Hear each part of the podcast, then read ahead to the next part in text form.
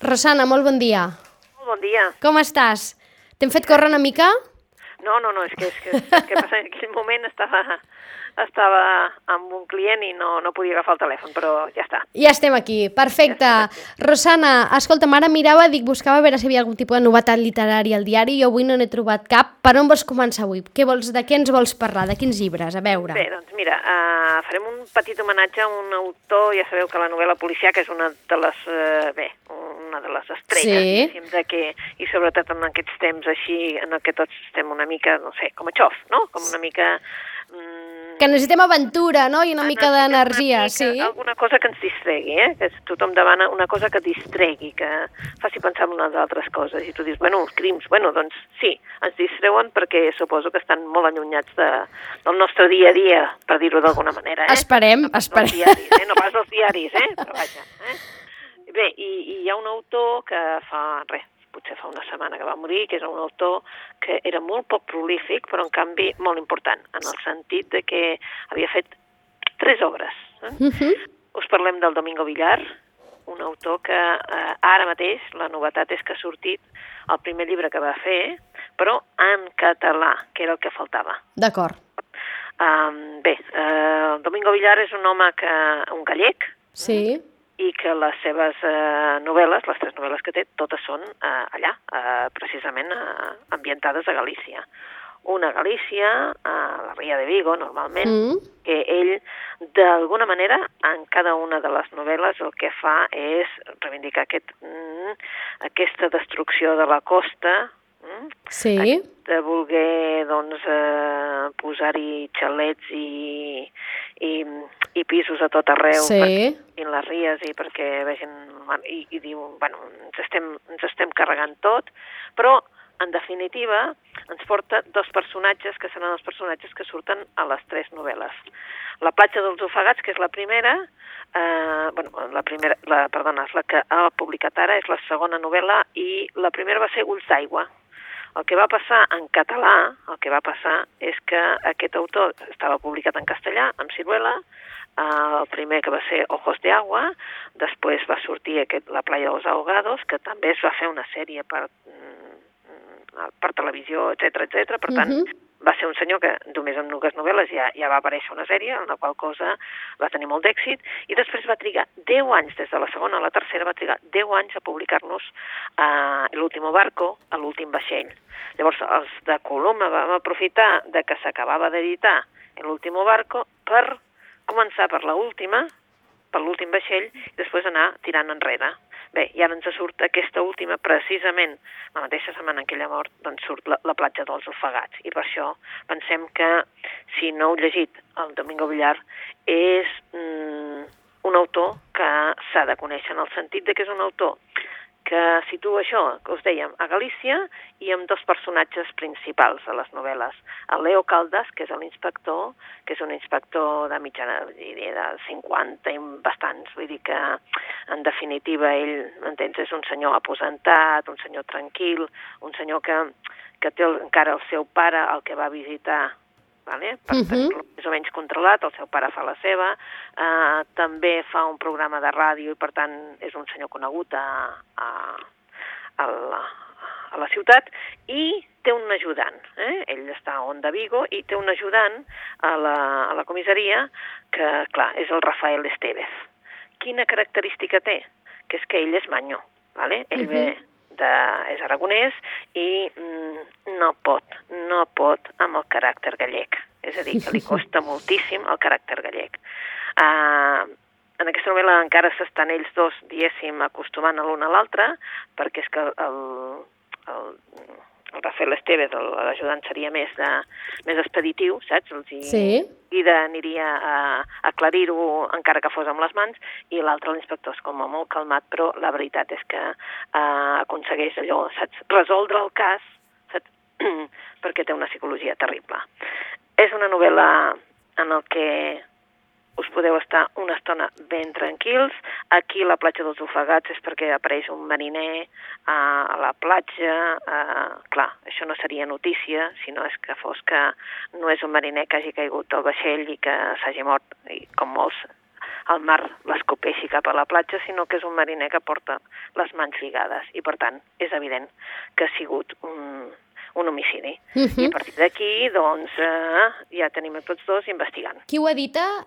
Qui ho edita, Rosana? Columna, columna. Columna. Uh -huh. columna sí, sí. Doncs, per tant, eh, aquestes tres obres de Domingo Villar, aquest eh, autor de novel·la negra, no? d'aquesta novel·la de crims, gallec, que va morir fa poquets dies, molt jove, a més a més, penso, molt oi? Jove, molt jove, uh -huh. molt jove, i d'aquestes morts que ens estan passant cada uh -huh. vegada més, que són aquests eh, infarts cerebrals i pam, saps? Vull Sí, dir, sí, morir que, que d'un dia per l'altre, però que en qualsevol cas han deixat doncs, aquestes tres grans novel·les negres, novel·les eh, de crims, per si algú té interès, i que a més a més jo crec que també tenen la particularitat que t'apropen a, a, a una Galícia eh, vista per un gallec, no?, coneixedor, sí. i que això també té un punt d'atractiu, no?, de conèixer Sí. un territori a través d'un llibre.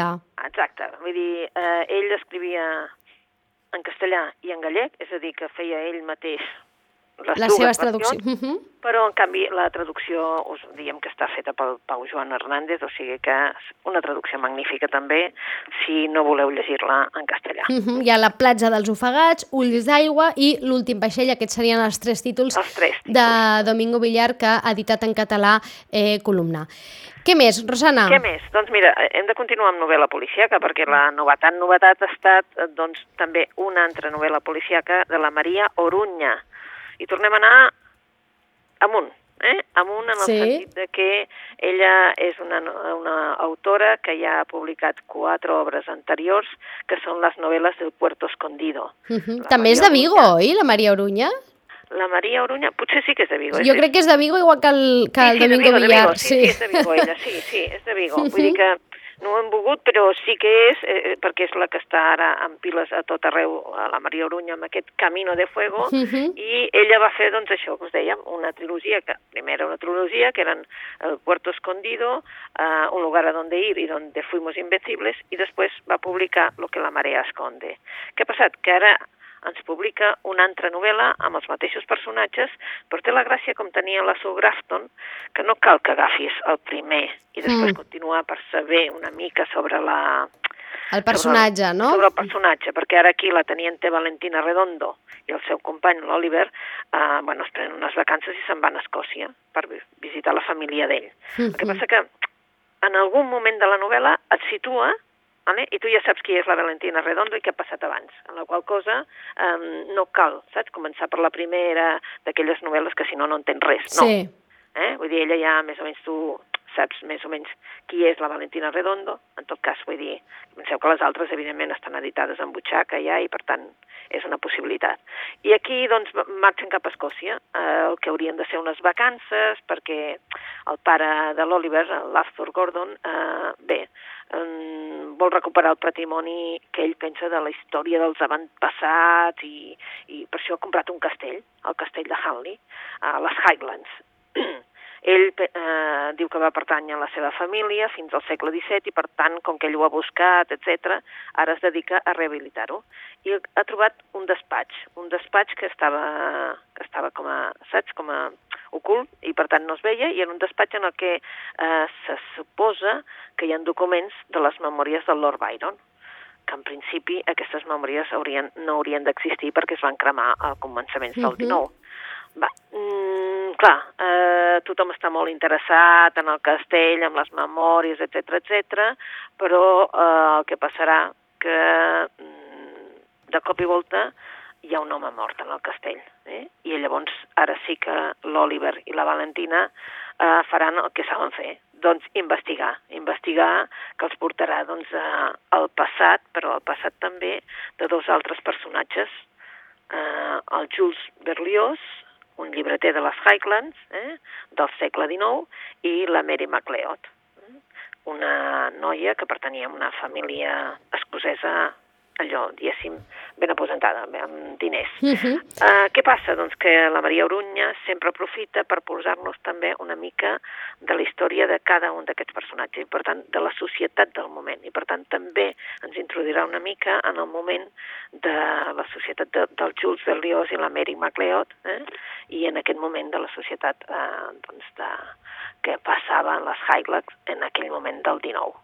Per tant, tenim una novel·la diferent, diferent perquè no és només una novel·la policíaca, sinó també una novel·la en el que hi ha uns costums, hi ha una història, i ella el que vol també és explicar-nos tot això, amb el Byron pel mig. Uh -huh. o sigui, el Camino del Fuego. Camino del Fuego de Maria Orunya, amb Valentina Redondo, la protagonista que, de, també de les seves eh, novel·les prèvies, però que, com deia ara la Rosana, no és necessari haver-les llegit prèviament, eh? que això està bé. Si una ara té interès per aquell llibre, doncs no cal que s'hagi llegit la, la, les abans, una escriptora eh, també de Vigo, per tant, déu nhi els gallecs, no?, amb, el, amb, el, amb la novel·la tenim, policíaca.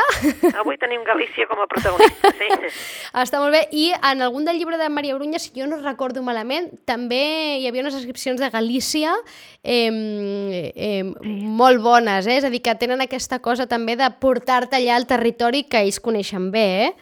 Sí, sí, sí, i se'n van, saps, eh, tota la costa, de vegades uh -huh. una mica més cap allà, però sí, sí, sí, és, eh, se'n van cap a, cap a la part nord cap a la part nord d'Espanya. Exacte. Doncs vinga, perfecte, apuntat queda. Què més, Rosana? Bé, doncs mira, una altra obra, ara sí, passem al Premi Carlemany del 2021, uh -huh. la Laura Gonzalvo, que ens porta la llista de les coses impossibles. Um, és una història d'amor, una història de superació, una història en el que, bé, ens porta a dues, dos personatges principals, que serien la Clara i el Guim. En definitiva, és el Guim, el personatge de tota la novel·la, i veurem què li passa i què li deixa de passar. Eh? Uh, bé, mm, la veritat és que uh, la Clara se sent malament perquè el Guim la va deixar. Uh -huh. El Guim la va deixar uh, uns quants bueno, potser uns quants dies abans de fer els 18, i és que el Guim tenia can, ganes de fer coses, ganes de viure, ganes de conèixer altres coses. Eh?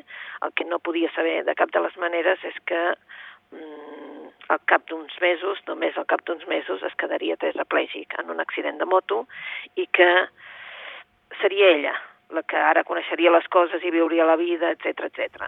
Tot allò que ell s'havia imaginat. El Guim el que passa és que arriba a tenir una vida diferent, però sí que és cert que um, ell sap que hi ha una sèrie de coses que no tornarà a fer mai, uh, però és veritat que és una novel·la també de superació, vale? perquè ens parla de la Clara, què està passant amb la Clara ara, on va la Clara, la Clara doncs, eh, té possibilitat d'un Erasmus, per tant... De fer tot allò que ell no, no pot fer no ara, no? Però que fer. volia fer, que era el motiu de per què la va ah, deixar, no? I llavors el Guim el que sí és eh, trobarà gent que l'ajuda. Uh, gent que l'ajudarà, des de la Goodman, evidentment, si és tetraplègic, coneixerà allà també altres personatges, personatges que tindran molta força i per tant li donaran força amb ell de dir, doncs si ell ho ha pogut fer, si ell ara es val per si mateix, jo també podré, també coneixerà el desengany, el desengany de, de l'amor, vull dir, perquè és clar, eh, gent que s'acosta amb ell no vol dir que, que no li tinguin, li tenen allò, estimació, però evidentment quan es tracta de quedar i tot això, hi ha una primera trobada però potser no hi ha una segona i això amb ell també la posarà doncs, alerta de dir bé, jo ja no sóc el mateix, per molt que jo vulgui, no? doncs potser hi han coses que em costaran molt més i uh -huh. per mhm. una d'elles serà doncs, tenir una xicota. Mm? Una història d'amor, una història de vida, també de, de superació sí. i així explicada eh, em fa la sensació que és una Eh, I a més a més, eh, crec que no és una, nive una novel·la, que és una novel·la bastant senzilleta, no? I sí. tinc la sensació que és una bona novel·la per adolescents. Sí, també per uh, aquests adolescents adults, uh -huh. diguéssim, saps? Vull dir que... Per la història que explica, no? És a dir, que d'alguna sí. manera els pot arribar bé, no? I, sí, exacte. aquests adolescents, bueno, és que ara l'adolescència no sé on te va, no sé de quina edat a quina edat, saps? Perquè com que Bé, hi ha ara- adolescents i tot això que ja comencen als 11 i... Bueno, Bueno, eh? jo ara pensava en en de 15 a 16, una ah, cosa... exacte. Jo també pensava, eh? Entre els 17, saps allò, els 17, Sí. 18, que, que llegeixen que no saben ben bé què llegir, que d'això... Doncs seria una bona opció, bé. No? Exacte, sí, exacte. Seria una, un, una bona opció. no, de, no, la... de, de llegir alguna cosa que sigui ja més per adults, però en canvi, saps? Que no sigui aquelles novel·les ensucrades, Clar. eh? perquè això no ho és ensucrat. Per això, per això, per això, per això t'ho comentava, perquè és veritat Sí, sí. també és que és una edat no? que, que vius en un impàs en tot, no? És a dir, ja no ets nen però tampoc no ets adult, no? I probablement les, no, les novel·les més infantils ja no els interessen, però potser altre tipus de novel·la més adulta mm, se'ls hi fa feixuga, doncs sense entrar en aquesta cosa romanticona feta expressament per adolescents, doncs aquesta, eh, Exacte. la llista de les coses impossi impossibles de Laura Gonzalvo podria ser una, una bona Una alternativa, és una novel·la senzilla, una novel·la d'amor, de vida, amb aquests dos protagonistes que són dos joves d'alguna manera i que doncs, tenen una experiència eh, forta, doncs seria una bona alternativa. Perfecte, Rosana, què més? Què més? Doncs tenim una altra novel·la també així eh, que acaba de sortir, eh, d'un autor que es diu Francesc Ballart, i eh, bé, és, sembla ser que és la seva segona novel·la, l'ha dit a la campana, i mm, es diu Crònica fabulosa de la mamà Àsia i la seva descendència. Caram, quin títol. Sí, t'ha posat un títol eh, llarguet, eh? I ens parla del segle XIX, eh? I Mm. la mamà Àsia, la mamà Àsia eh, és la... Eh, és una dona, eh? Mm, diguéssim, entrada en carns, etc que Mm. obre un prostíbul, un prostíbul al Poble Nou. I allà, evidentment, hi atrau els clients de tota la ciutat. Mm? i en definitiva el que farà doncs, bueno, és una dona així eh, que posa moltes normes, que voldrà mm, allò, una dona ferma i hi ha una nena, la Katia Soloviev, eh, que es, es criarà allà al bordell i amb una madame, que és ella, un, bastant despòtica, però aquesta noia eh, apareix morta a la platja amb una expressió d'horror de la mirada i, i, i amb una corda al coll. Eh, clar, mm, que no se sap és qui pot haver estat el que cometi un crim tan cruel. Eh? I dues setmanes després resulta que volen celebrar el funeral, però els veïns s'acosten a, doncs, a donar-li l'últim adeu i se n'adonen de que no es descomposa. La, la, la jove sembla que estigui en el mateix, saps allò que estigui absolutament com el, primer dia. Uh -huh. Uh, bueno, ells creuen que és un miracle, que és un miracle, el mossèn demana consell a l'arcabisbe de Barcelona i, i al final acaben dipositant el, noi donant, el cos d'una noia que venia d'un prostíbul a l'altar de l'església de Sant Bernat Calbó. Eh? Uh, allà, doncs, bueno, hi va tothom de visita i una nit d'hivern el Serafí Carcosa, que és un pertorbat, doncs, eh, que està obsessionat amb aquesta noia, entra d'amagat a l'església i ell el que vol és jeure al costat. Eh, en definitiva, és una novel·la eh, el que parla de cinc generacions d'aquesta família, una família marcada per això. És un retrat també del Poble Nou, eh, Uh -huh. de com va canviant el Poble Nou i bé, mm, la Barcelona des del 19 fins eh, una mica més enllà. Uh -huh. Crònica fabulosa de Mamà Àsia i la seva descendència, de Francesc Ballart, editat per La Campana, oi? Sí, de, de per la campana, Que, sí. per, per aquells que... Jo pregunto això del territori perquè moltes vegades és un punt, de, de, un punt fort, no? un punt que et fa decidir triar un llibre o no, quan el territori o l'escenari allà on s'ubica, no? d'alguna manera té una relació amb tu o té un interès. No? En aquest cas és a, a Barcelona, al barri en concret de, del Poble Nou, al segle XIX, mm, i això de vegades pot generar cert interès, no? intentar imaginar-se com és un barri que potser per molta gent és molt conegut, no? Sí, exacte. Mhm. Sí, però, però clar, ara sobretot, no? Sobre la Rambla, Ah, exacte, Nou, exacte, mar, sí. Saps allò? Sí, eh? És un, és un territori molt conegut. i Imaginem-nos ara al segle XIX doncs, amb els prostíbuls, no? amb aquestes cinc, Exacte. cinc generacions, tot plegat amb aquesta eh, crònica que ens planteja eh, Francesc Ballart, eh, un llibre, doncs, per tant, eh, un retrat del, del poble nou eh, abocador, no? eh, eh, d'aquella època, no? I, i una porta d'entrada, diguem, a, a aquest món, la que ens planteja Francesc Ballart. Tenim temps per algun més, Rosana? Ara un, un fenomen, un fenomen Vinga. que es diu Blue Jeans. És un fenomen per joves, eh? Mm. No és pas per adults, però sí per joves. bueno, és un fenomen perquè aquest senyor, hem de dir que és un senyor, un senyor que potser heu vist en les fires del Sí. llibre, del llibre, etc, amb una gorra, eh? Sí. Em, bueno, doncs aquest senyor ha, ha escrit una sèrie de novel·les, va començar fa molts anys escrivint una sèrie de novel·les amb una editorial que era més aviat només És que Blue Jeans és un pseudònim, eh? Per ara, si algú s'està Ah, exacte, pensant sí, que és el això- títol del llibre, és un pseudònim, no, no, eh? és el pseudònim, és el pseudònim de l'autor, eh? Que es De diu. Francisco de Paula. Exacte. Mhm. Saps? Vull dir que, clar, I llavors doncs, aquest senyor va començar escrivint una sèrie de novel·les uh, per joves Sí. a l'editorial Everest Sí. i, i, i bueno, mm, en definitiva van començar a vendre's eh, poquet a poquet, poquet a poquet, i al final, eh, evidentment, eh, Planeta el va contractar i l'ha convertit en un fenomen, però un fenomen de masses. Eh? Planeta va veure aquí l'opció, no? El nínxol de mercat que obria.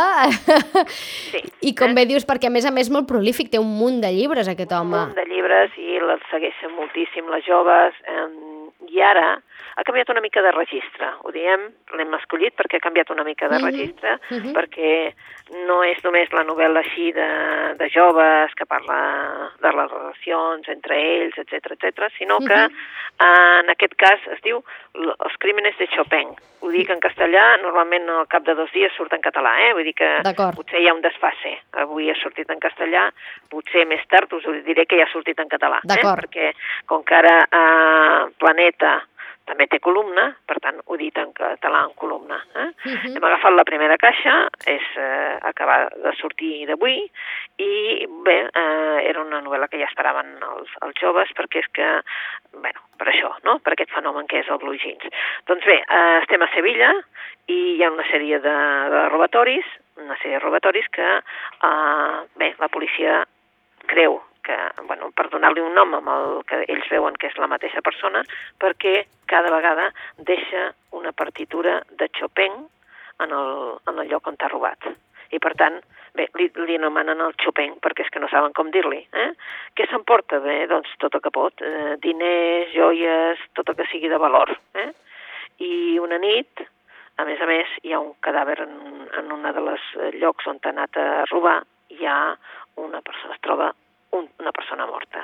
Per tant, a partir d'aquí, és clar, eh, la tensió comença a ser forta perquè el que era només un robatoris, ara ja hi ha un crim. Què passa? Ha sigut ell? No ha sigut ell? Eh, bé, mm, a partir d'aquí, los crímenes de Chopin portarà doncs això, a cada un dels lectors a averiguar exactament què ha passat. I mm, Planeta, només per acabar, la Planeta el que regala amb aquesta primera edició és una llibreteta que diu mi libreta de detective, perquè tu apuntis, eh, si vas sabent què pot passar... Aquest és doncs el màrqueting, t'apuntis, aquest és el màrqueting Ah, editorial. Exacte. Ah, exacte, aquest és el màrqueting de l'editorial. eh? de Planeta, que va veure claríssimament una oportunitat amb, Claríssim. amb, amb Fer- Francisco de Paula, amb aquest Blue Jeans, que, com deies, amb, amb Los crímenes de Chopin, fa una petita transició una mica a un altre gènere, no? Una mica Sí, més, a, un gènere, sí, més detectivesc, sí, no? sí, Un- sí. Una petita, diguem, diferència respecte al que ens tenia acostumats. És un fenomen entre els adolescents, estem parlant de lectors que entre 12 i 17 anys, 18, por ahí? Sí, sí, sí. Aproximadament, oi? De, de, de 15 en amunt, sí. De 15 a, bueno, 14, saps allò? Mm. Depèn, sí. Ho dic perquè els de 12 s'espanten amb només veure el... Tant de lletra.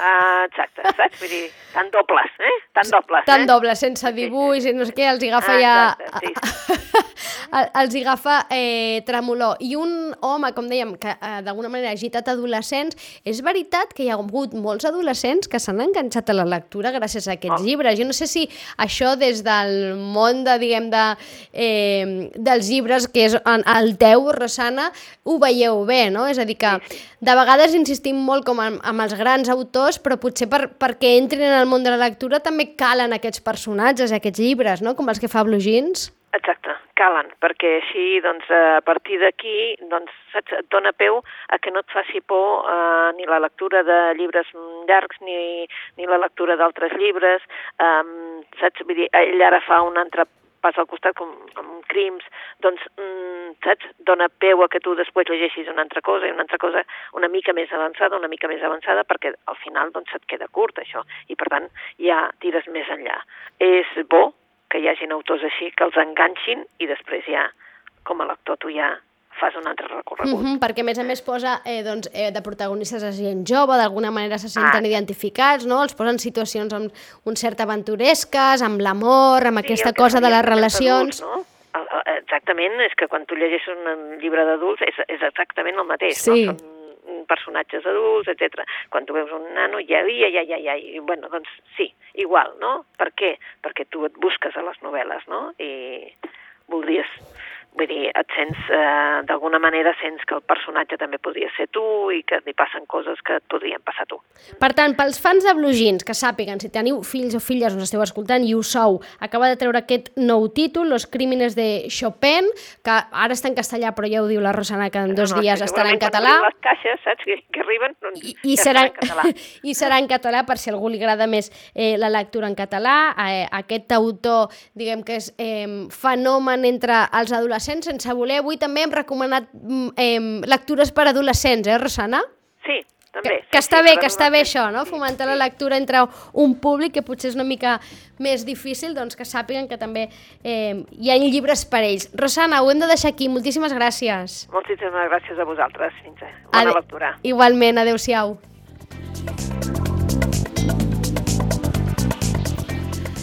Fins aquí, nosaltres tornem demà a les 9, que acabin de passar. Molt bon dia, adeu-siau.